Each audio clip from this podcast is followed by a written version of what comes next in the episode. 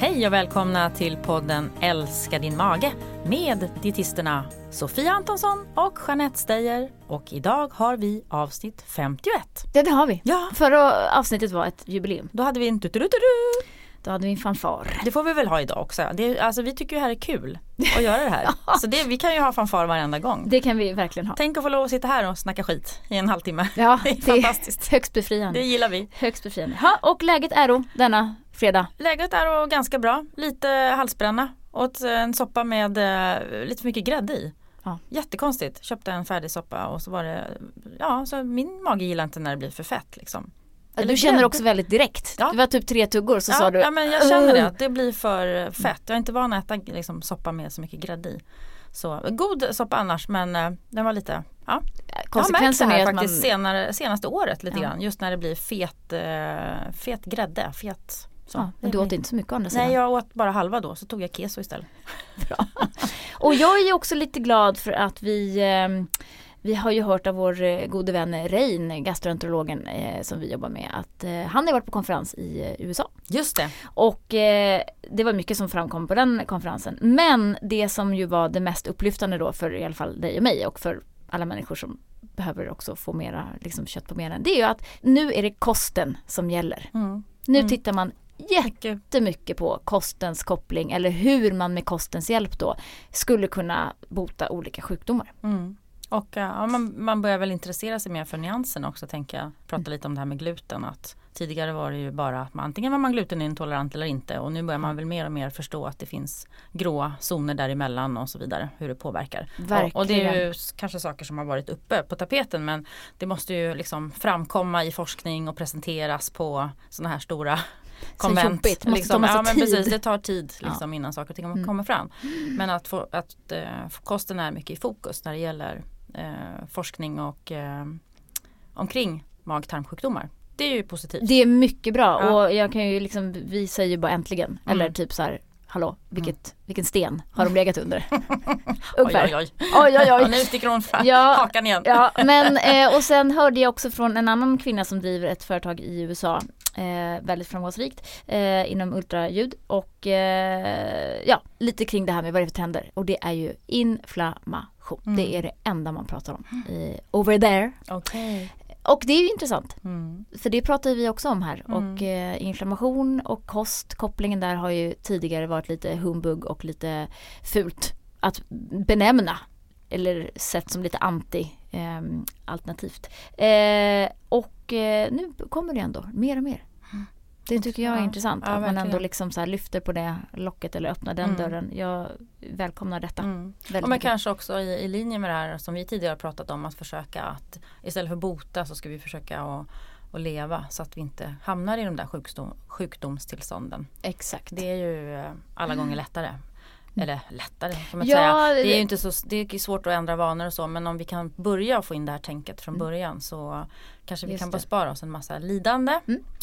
Verkligen och Ja. jobba lite preventivt. Yes. Så att man inte blir sjuk då. Eh, Exakt. Det är ju nice. Mm. Eh, jag tänkte idag att vi eh, skulle börja med en eh, liten, kan man säga närmast genomgång. För jag vet att vi, eller vi får ofta frågor ju eh, till oss om det är bra eller bättre att äta, äta rågrönsaker eller om det är jobbigare för magen med rågrönsaker än med tillagade och eh, hur mycket näring som egentligen finns kvar i tillagat och om man ska äta raw food och, och, eh, eller växtbaserat. Eh, ja, hur, hur, ja. Det, är, det är många frågor kring detta i alla fall. Absolut. Och då hittade vi en, en ganska bra genomgång här i våran senaste Dietistaktuellt. Eh, Vi dietister har en liten egen eh, tidning kan man säga som Mm. kommer ut eh, lite då och då. Och professor i kostvetenskap Gunnar Johansson har då skrivit en ganska bra översikt på det här. Vad är det som gäller nu då? Ska man käka raw food eller ska man äta saker som är tillagat? Förstör vi maten och blir det gifter i maten när man värmer upp den och så vidare? Det är ju Precis. många som Mm. Tror det och det har ju också kommit larm.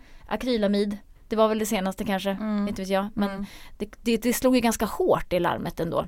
Precis. Mot chipstillverkarna främst då, då. Det var väl i och för sig, tyckte vi var bra. Ja. Men, men det gjorde det ju och eh, sen glömmer man ju bort sånt där då. Alla larmrapporter som de blossar upp och så glömmer man bort Mm. det där igen. Men jag tänkte vi skulle kanske kunna prata lite om det också relaterat till FODMAP. Ja, Ehm, och det, hans artikel är skriven utifrån ett näringssynpunkt och så kan ju vi addera lite vad vi har för eh, erfarenhet och kunskap omkring hur det fungerar i en känsligare mage då om man säger så. absolut. För det, är ju, absolut. det är ju det man gärna vill veta. Hur, hur, eh, liksom, hur ska jag äta mina grönsaker och hur får jag till det här med grönsakerna? För må- många vill ju äta mycket grönsaker och mera grönsaker och tycker att det är svårt när man följer FODMAP. Ja och en del eh, som, som vi träffar är ju eh, väldigt duktiga på att äta eh, grön sallad och kost och alltså grönkost, grönkost, Mm. Kan man säga så? Ja, kan man säga. Ja, Ja, mycket Alltså, grönsaker. mycket- ja. ja, precis. Flexitarianer eller? Ja men precis, eller att de är så himla nyttiga och Mm. trendiga och ska äta raw food och det ska vara liksom grönt, grönt, grönt Mm. eh, i sin iver och kanske också förtvivlan över att jag äter ju bara sallad, hur kan min mage vara så Mm. dålig? Det är faktiskt precis, det där möter man ju en en del tycker jag. Att jag äter så himla nyttigt och ändå så har jag så mycket Mm. problem med magen. Mm. Och då är det liksom en, en liten omställning när, man, när, när jag då börjar förklara. Men liksom Liksom, det, det nyttiga som du äter är fantastiskt bra för hela kroppen. Men du är utrustad med en känsligare mage. Den kan inte ta hand om alla, alla, den, här, eh, liksom, alla den här typen av fibrer. Utan vi måste liksom spetsa in oss på den typen av fibrer och grönsaker som, som din känsliga mage tål. För det är en skillnad på om man har en, liksom, en väl fungerande vanlig järnmage höll jag på att säga, men en vanlig mage. För då kan man ofta ösa på med, med mycket grönt och mycket grönsaker och, och råkost och så vidare. Men har man IBS eller en känslig mage så kan man oftast inte göra det. Och det är där kostbehandlingen FODMAP kommer så väl till pass. Exakt. Mm. Mm. Och, och vi är ju som vi har sagt säkert hundra gånger tidigare att det, det handlar inte om att äta mer eller mindre fibrer. Alla behöver äta mer fibrer. Men när man har IBS behöver man ju bara tänka på eh, lite speciellt vilka. Exakt Så, kan man säga. Mm. Mm. Mm. Men om vi då börjar med, så här, vad är raw food då? Men raw food är en vegankost där man då värmer upp, eh, eller man äter då bara mat som inte är uppvärmd mer än till ja, kring 40 grader, 40-42 någonstans där. Ja, och vad ska den då, eh, uspen med raw food är ju oftast att man, man då Eh, i, man kan tillgodogöra sig växternas egna enzymer till exempel. För att man inte avdödar dem i själva upphettningsprocessen. Det är ju en typisk sån att näringsämnena bevaras och eh, tillgängligheten av näringsämnen blir bättre och så vidare. Inte riktigt eh, Mm. sant faktiskt. Nej, det är ju en sann verkar. modifikation. Mm. Många, eh, eftersom en del grönsaker också tappar näringsämnen när man tillagar dem. Där kan vi komma in på liksom hur man bäst tillagar dem. Mm. Men eh, en del eh, livsmedel är ju faktiskt bättre när de är tillagade. Ja. Eh, till exempel baljväxter då. Mm. Eh, där det finns en del ämnen i som man vill undvika i de råa faktiskt. Eh, där de bättre är, Absolut. är kokta eller Mm. tillagade. Precis. Så där stämmer ju inte riktigt det Nej. eh, påståendet. Absolut. Mm. Eh, vi har ju lektiner också i baljväxterna Mm. som, som kan eh, och ge akuta problem, alltså Mm. som kan verkligen ge mag eh, Ont. ont Och illamående. magsjuka. Ja, Mm. precis. Precis. Så de vill man ju också gärna eh, undvika och därför äter vi dem kokta och väl, liksom, välkokta egentligen. Ja, de här eh, baljväxterna. Mm. Så att, och där kanske man då också tänker mycket kring groddning och fermentering när det är eh, raw food. Eh, och groddning och fermentering gör ju lite grann att de här som antinutrienterna brukar man kalla dem, det som, det som kan binda upp eller bromsa intaget av andra näringsämnen i, i kroppen, att de försvinner plus de här då eh, lite, lite mindre bra eh, ämnena. Så det är ju helt okej om man vill använda sig av sådana. Groddar är ju också oftast väldigt högkoncentrerade på näring. Precis. Det är som ett litet Mm. liksom, koncentrat av Mm. själva fröet eller eh, baljväxten, eh, Mm.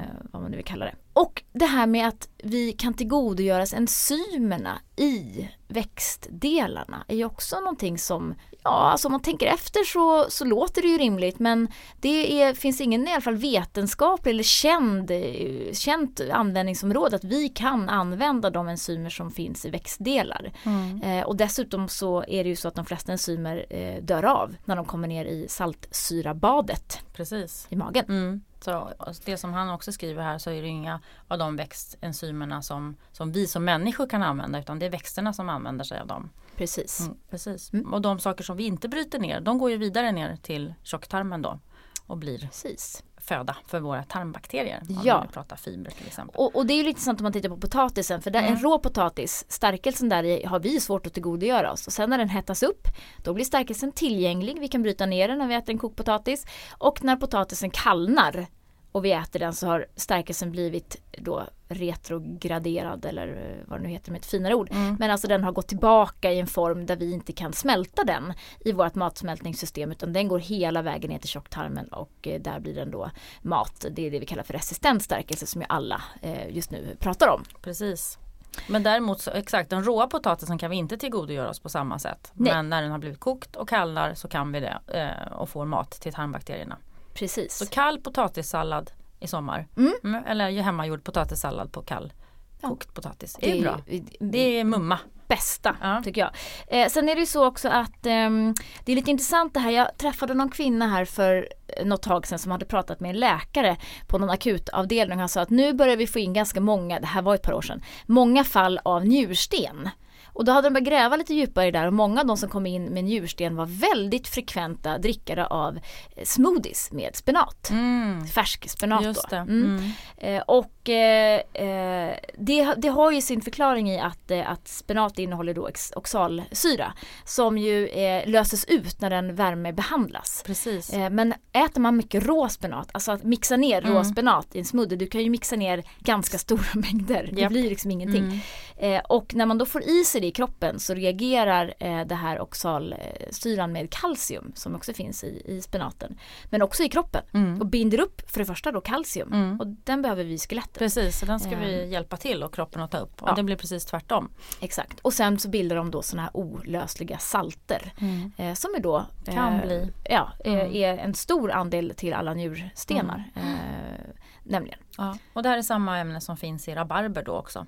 Precis. Så därför ska man gärna äta rabarber och spenat i tillagat tillstånd. Ja. Helt enkelt. Det, Sen några blad i en, i en sallad man mixar med liksom lite spenatblad och så. Det går ju bra. Men precis som du säger när man börjar använda det varje dag. mm, Liksom större mängder. precis. Som många gör kanske i en smoothie. Så ska man faktiskt ta och tänka sig lite för. Verkligen. Mm. Sen har vi eh, B och C-vitaminer till exempel, alltså de här vattenlösliga vitaminerna som man ju pratar ganska mycket om när det gäller just det här med att hur ska man då liksom bevara vitaminerna i, eh, i till exempel en, en eh, potatis eller i en, en eh, morot eller i en broccoli när man kokar den. Mm. Eh, för de löser ju ut i vattnet och då säger använd kokvattnet, det är väl det här klassiska. Mm. Ja fast om man Hur inte vill gör göra det, det då. Ja.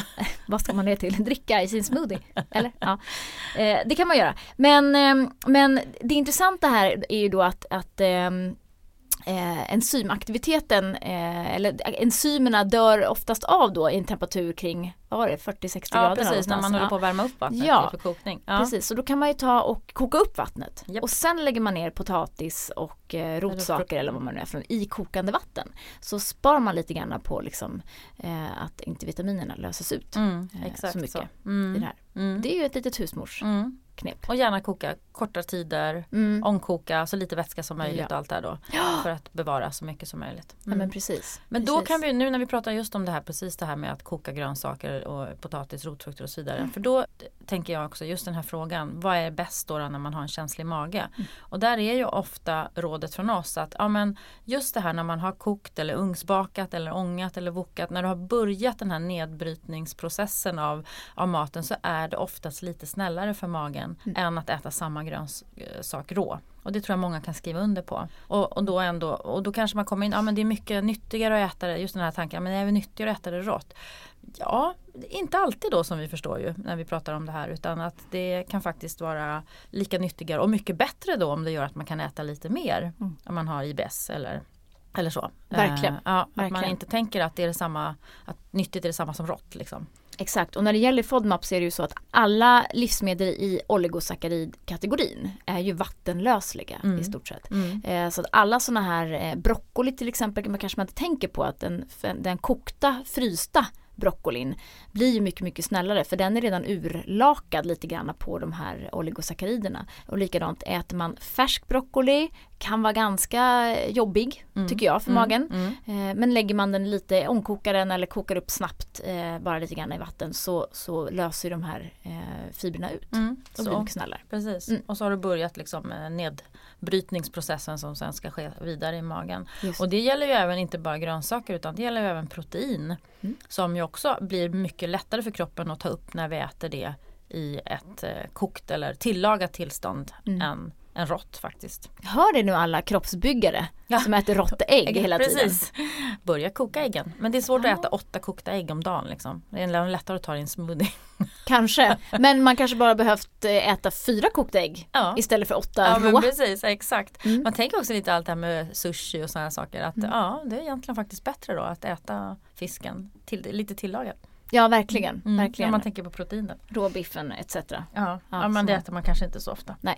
Men, men man kan säga så här sammanfattningsvis när det gäller tillagning så är det ju så att när det blir dåligt eh, det är ju när man kokar för länge så vattnet har mer färg än grönsaken som ligger i vattnet och eh, broccolin är slak liksom och bara hänger. Mm. Det är dåligt. Mm. Då har man inte så mycket näring kvar där. Eh, och sen är det när man börjar steka, fritera, röka eh, grejer på hög värme under lång tid. Mm. Det är då det kan bildas eh, typ akrylamid. Precis. Som ju det till viss del gör mm. i pommes frites och chips mm. och kaffe och det finns ju mm. mängder av olika livsmedel. Mm. Men där ska vi också vara tydliga och säga att, att man har ju konstaterat att de mängder vi får i oss inte är i någon typ av skadlig eh, nivå. Mm. Men däremot just med, med, att oljorna då när man steker länge och hög temperatur att de oxiderar och bildar skadliga ämnen. Just det. Och det, där kan man ju tänka över att när man steker att det, att det inte blir för varmt i pannan. Eh, ska man använda en vegetabilisk eh, fettolja så är rapsoljan den som kanske eh, klarar sig bäst, liksom, mm. till, eh, lämpar sig bäst för stekning. Mm. Men ändå tänka att det inte ska bli sådär überhett så att det ryker om oljan och i, och i lång tid för det blir inte så bra. Nej. Och det är också någonting som känsliga magar brukar reagera på eh, tycker jag. Eh, att stekt mat när det liksom blir hård stekyta och lite sådana saker. Att det är lite, då får man halsbränna ja, kanske. Ja, då blir det mer sådana mm. kanske överdelsbesvär. Mm. Um, och att det blir och fett då förstås. Så, att, um, så det kan man också tänka på. Att det är flera orsaker kanske inte så bra då. Nej. Mm, precis. Mm. Ja, men det, här är ju, det här är ju, tycker jag, viktigt att, eh, att eh, lyfta. Eh, det är många som vill vara väldigt nyttiga. Det är många som äter saker och ting så mycket rå och oprocessat som möjligt. Jag tänker att rå och oprocessad är kanske inte i min värld alltid samma sak faktiskt. Eh, utan det finns ju någon, något som heter något mellanting. Och det, allting gäller ju egentligen också med, med antioxidanter, fytonutrienter, all, alla sånt som liksom eh, som, som har någon typ av kompletterande verkan i kroppen. Att, att det behöver tillsättas kanske lite som Mother Nature, liksom, som det var gjort för att, för att intas. Man äter saker tillsammans med mm, varandra. Mm. Eh, tar man en, en tablett, en, ett supplement, tillskott av något slag med ett, eh, ett vitamin eller mineral mm. så ger det ofta, alltså det kan bli lite svajigt. Det är ju mm. bättre att äta då blåbär eller vad mm. de är för någonting där mm. som innehåller en massa olika eh, näringsämnen samtidigt. För då har de, de, de gillar ju liksom att ha lite polare med mm. sig. De samverkar. Ja. Och det är det man inte har kunnat se till, till exempel multivitamin. Mm. Man kan liksom inte se att det samverkar på samma sätt som, man, man förstår ju inte helt hur alla de här samverkar i kroppen. Nej. Alla de här små antioxidanterna och bland annat som vi äter. Så därför, då kommer man återigen tillbaka till det där ätvarierat då. Mm. Exakt. Och är det så att man funderar på att äta eh, raw food det går ju bra mm. alltså. Det är ju inget konstigt med det. Men där, där får man nog fundera lite, vara extra mycket näringsjägare faktiskt. Eh, och välja väldigt näringsrika livsmedel, alltså som typ nötter och frön och bär och, och sådana saker som är liksom så här superkoncentrat. Och att man då också är, behöver ju ta tillskott precis som en, en, en vanlig vegan, mm. alltså på D-vitamin och B12 framförallt då, då som mm. inte finns i, i den typen av kost. Mm. Sen kan man absolut klara sig alldeles utmärkt. Man kan, Men det, det kräver en kunskap tänker jag om ja. eh, kosten. Och raw food, inte att förväxla då med det gamla svenska ordet råkost. För det, råkost pratar vi om så här att man äter råkost och då menar man ju så här en liten sallad som består av vitkål och rivna morötter. Det är råkost för många. Och det, det är nice. Det är nice. det, det Det är, och råkost på det viset, det, det kan man ju absolut äta mycket av och ofta behöver vi äta mer av det. Men känner man att det blir för tufft, prova och laga det tillagat eller äta det tillagat istället. Vi är sponsrade av Dofilus. Denna fantastiska yoghurt med tre tillsatta bakteriekulturer. Precis. Har man inte provat den så tycker jag faktiskt att man ska göra det. För den är så god. Det är den verkligen. Mm. Mm. Nu är det då vanilj, hallon, naturell och blåbär. Mm. Den har liksom fått lite utökning den här familjen. Fantastiskt god.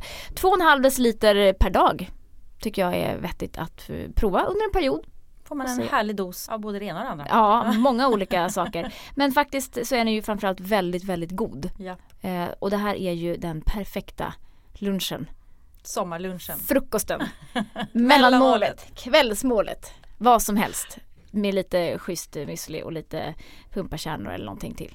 Prova den. Vi är sponsrade av Alflorex som är ett eh, probiotiskt kosttillskott med eh, den fantastiska mjölksyrabakterien Bifidobacterium infantis 35624.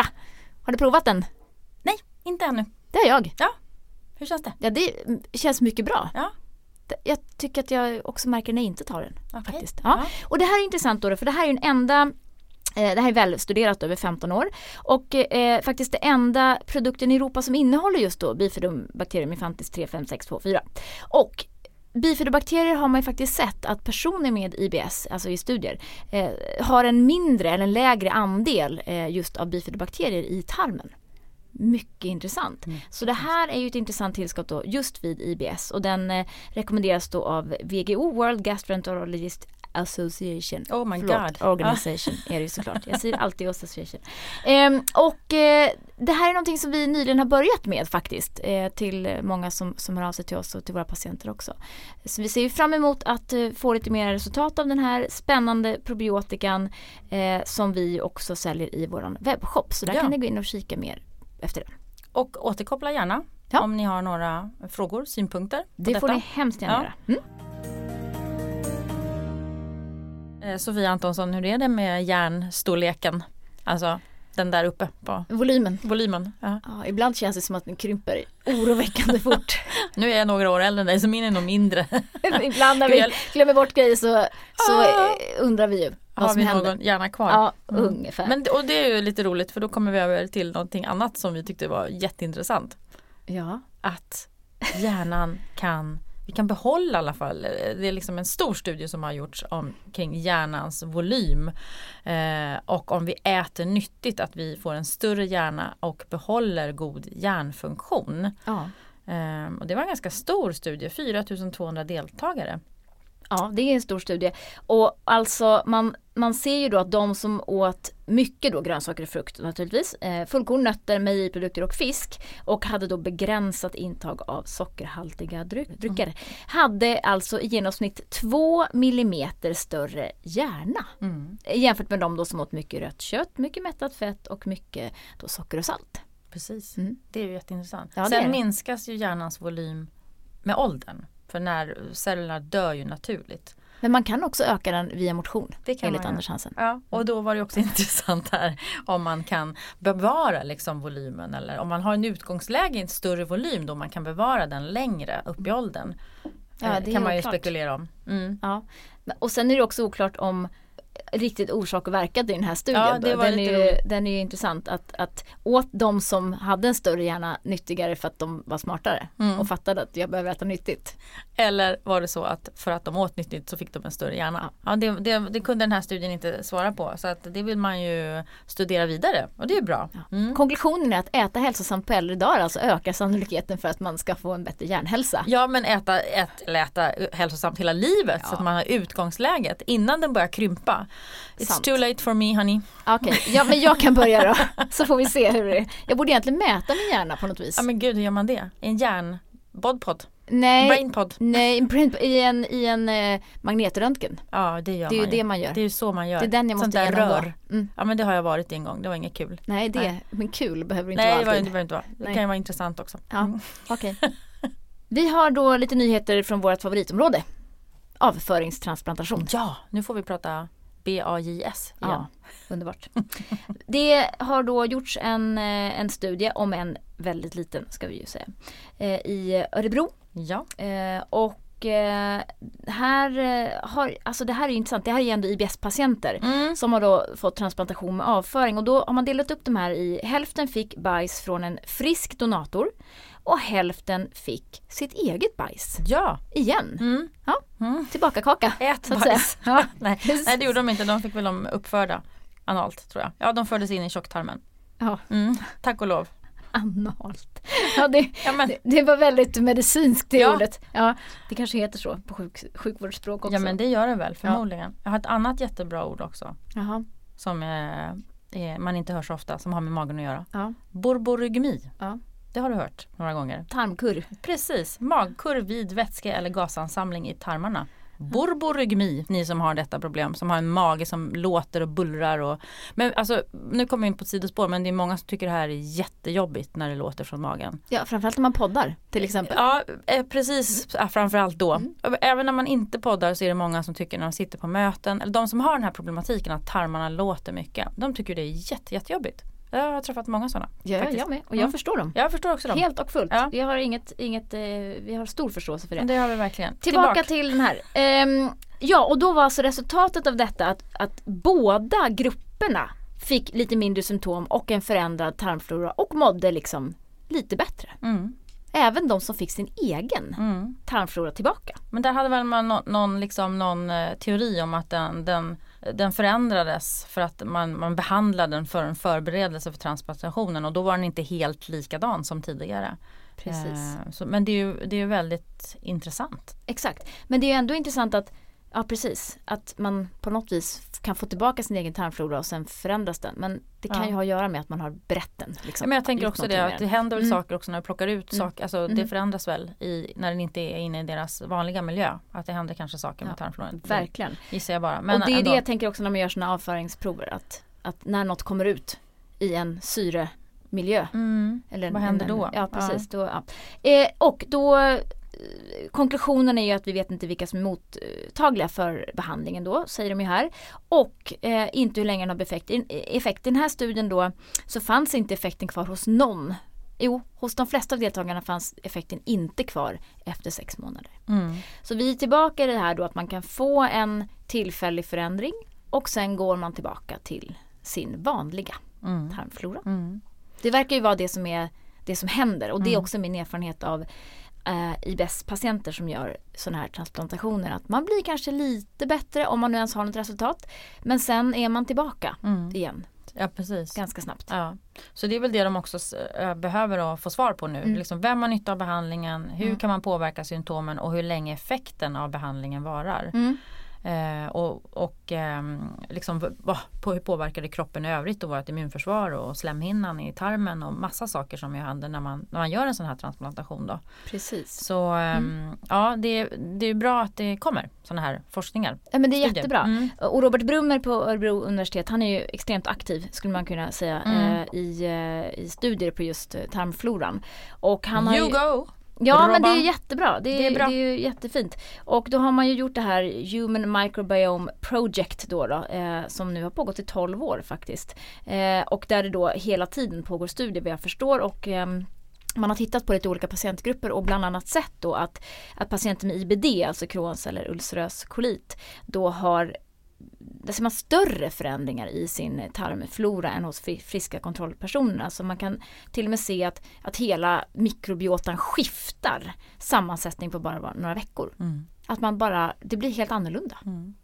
Det är ju intressant. Det är också intressant. Vad är då liksom det då? normala Ja men precis. hos Och den hur här personen? påverkar det? Varför blir den förändrad? Och, ja, det är ju jätteintressant. Ja. Men där, där hade man väl också eh, sagt det att, eh, att det här är kanske något som man tror att gäller för andra sjuk eller för allmänt Mm. för sjukdomstillstånd. Snarare än just en inflammatorisk tarmsjukdom. Det vill säga att våran tarmbiota kanske ehm, eh, förändras och att man är mindre stabil i sitt ekosystem när Mm. man har sjukdomar. Då.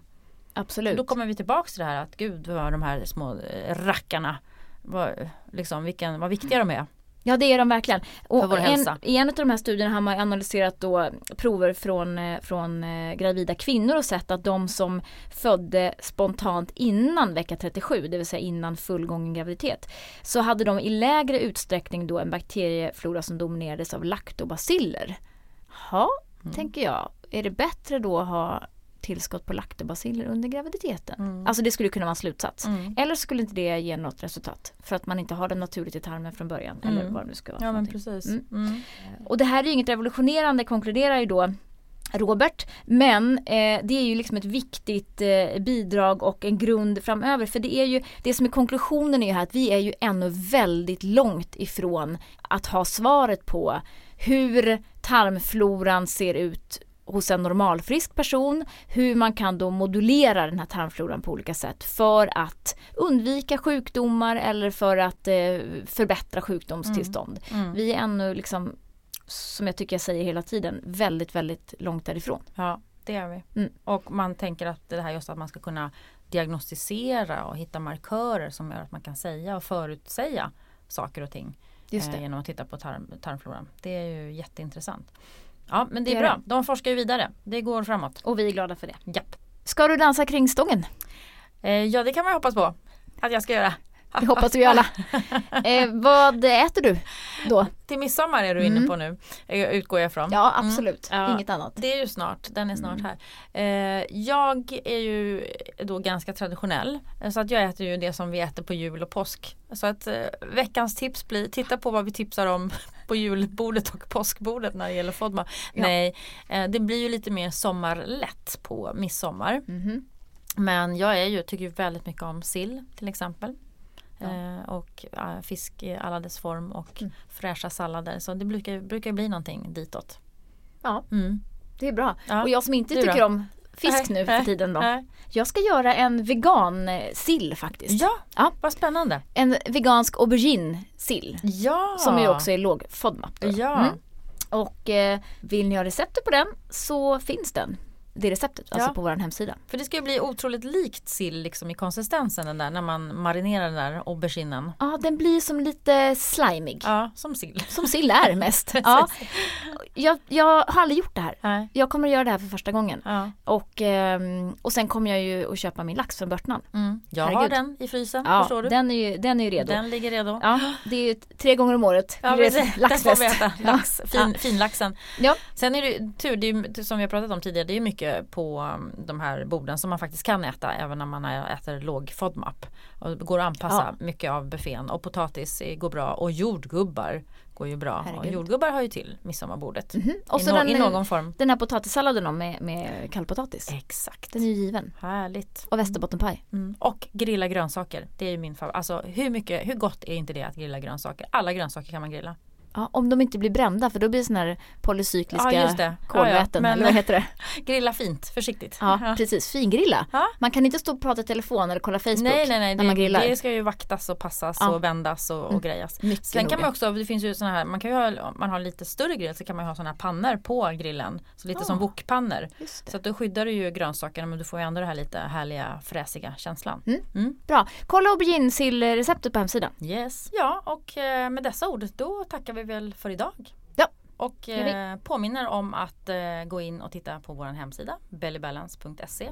Mm. Även ladda ner vår app Bellybalance. Ja. Inte förvånande att Nej. den har det namnet. Vi arbetar hårt på en ny app kan vi tala om.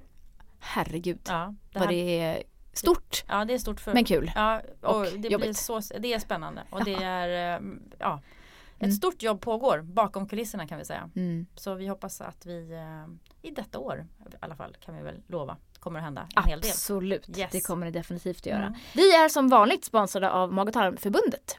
Och eh, det är vi ju som vanligt också väldigt glada för. Och Alltid eh, glada. vi är alltid glada för det. Det är en Utom fantastisk, ja, fantastisk organisation och eh, ni som vill veta mer om Mag och tarmförbundet går in på magotarm.se och läser er till, till vad ni har er närmsta lokalförening faktiskt där. De är, är mycket aktiva och det kan vara bra att gå med i en sån förening och ta del av informationen där. Eh, undrar ni någonting över programmet eller eh, någonting annat så kan ni gå in på hemsidan och där finns ju också vår fantastiska webbshop där man kan handla en massa olika FODMAP-produkter om man vill göra det. Så är det. Tack för idag! Tack!